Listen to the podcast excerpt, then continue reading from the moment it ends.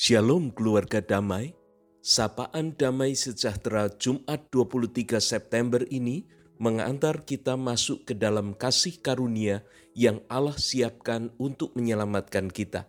Mari memohon roh kudus menolong kita untuk memahami keutuhan karya Allah.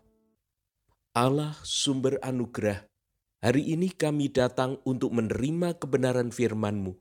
Beri kami pengertian yang benar, tentang sola gracia. Semuanya adalah kasih karunia Tuhan, supaya kami dapat memahami betapa dalamnya kasih yang kau berikan, sehingga engkau mau menyelamatkan kami yang masih berdosa. Di dalam nama Kristus, Anak Domba Allah, kami berdoa. Amin. Keluarga damai dan sobat samas, sapaan damai sejahtera hari ini mengambil tema sola gracia. Firman Tuhan yang akan kita baca terambil dari surat Efesus pasal 2 ayat 1 sampai 10. Kamu dahulu sudah mati karena pelanggaran-pelanggaran dan dosa-dosamu. Kamu hidup di dalamnya karena kamu mengikuti jalan dunia ini. Karena kamu menaati penguasa kerajaan angkasa, yaitu roh yang sekarang sedang bekerja di antara orang-orang durhaka. Sebenarnya dahulu kami semua juga terhitung di antara mereka. Ketika kami hidup di dalam hawa nafsu daging dan menuruti kehendak daging dan pikiran kami yang jahat, pada dasarnya kami adalah orang-orang yang harus dimurkai, sama seperti mereka yang lain. Tetapi Allah yang kaya dengan rahmat, oleh karena kasihnya yang besar yang dilimpahkannya kepada kita telah menghidupkan kita bersama-sama dengan Kristus. Sekalipun kita telah mati oleh kesalahan-kesalahan kita, oleh kasih karunia kamu diselamatkan. Dan di dalam Kristus Yesus, ia telah membangkitkan kita juga dan memberikan tempat bersama-sama dengan dia di sorga.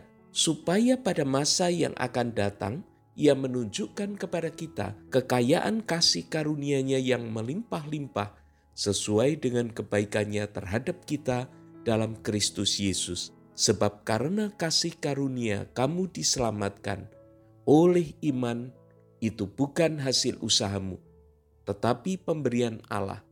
Itu bukan hasil pekerjaanmu. Jangan ada orang yang memegahkan diri, karena kita ini buatan Allah diciptakan dalam Kristus Yesus untuk melakukan pekerjaan baik yang dipersiapkan Allah sebelumnya. Ia mau supaya kita hidup di dalamnya. Keluarga damai dan sobat samas, dari ayat yang pertama kita sudah melihat atau menyadari akan status kita bahwa sebenarnya kita itu sudah mati. Mati adalah keadaan final di mana seorang sudah tidak bisa bangkit dengan kekuatannya sendiri, menolong dirinya sendiri. Kematian ini merupakan keterpisahan dari Allah karena melakukan pelanggaran. Pelanggaran yang dilakukan seperti sebuah perangkap yang makin lama makin menghisap masuk ke dalam pusaran. Pelanggaran itu membuat seseorang mengikuti jalan yang ditawarkan dunia, kemudian menariknya untuk hidup di dalamnya sehingga orang tersebut ditaklukkan hingga menaati penguasa kerajaan roh yang bekerja di antara orang-orang durhaka, sehingga hidup mereka ada dalam tawanan untuk terus mengikuti keinginan daging dan pikiran yang jahat. Kematian ini memang bukan kematian jasmani, sehingga orang masih tetap bernafas dan beraktivitas. Namun hidupnya di bawah perhambaan dosa dan tidak lagi memiliki kerinduan akan hubungan dengan Allah.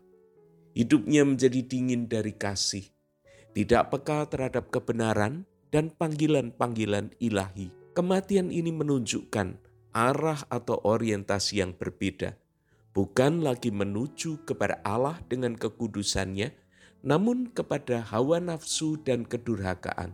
Kondisi kematian yang fatal ini mengusik Allah yang kaya akan rahmat sehingga tidak membiarkan mati oleh kesalahan-kesalahan kita. Kita diselamatkan bukan karena kebaikan kita atau hasil usaha kita, tetapi murni pemberian Allah. Bagaimana kehidupan spiritual kita saat ini di hadapan Allah?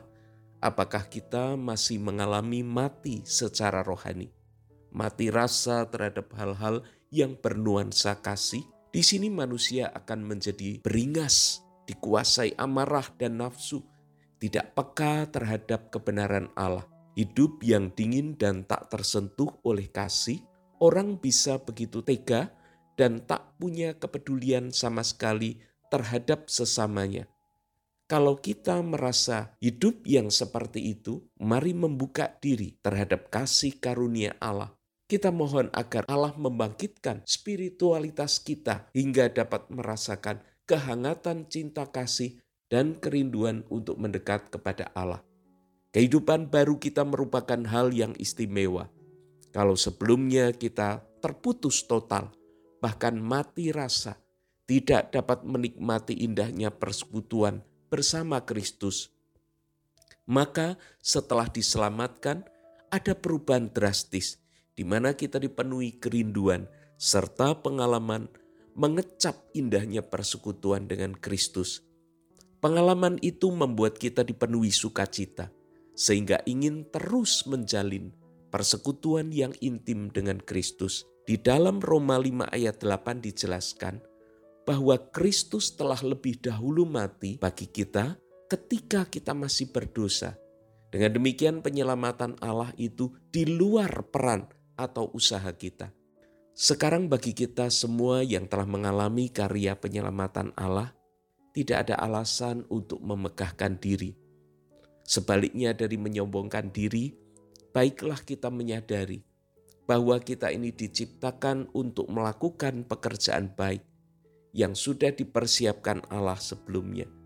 Jika kita dapat memahami hal ini, kita akan mengalami karya besar Allah dalam hidup kita.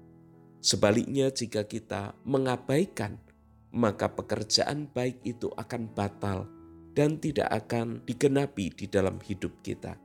Mari kita bersama berdoa. Allah sumber keselamatan yang telah mengorbankan Kristus sebagai pengganti bagi kami yang berdosa. Kami sungguh bersyukur karena Engkau telah menyelamatkan kami, bahkan saat kami masih berdosa. Kiranya penyelamatanmu membawa pengalaman baru dalam persekutuan kami dengan Allah, serta mempersiapkan kami untuk melakukan pekerjaan baik yang telah Engkau rencanakan dalam nama Yesus Sang Juru Selamat kami berdoa. Amin.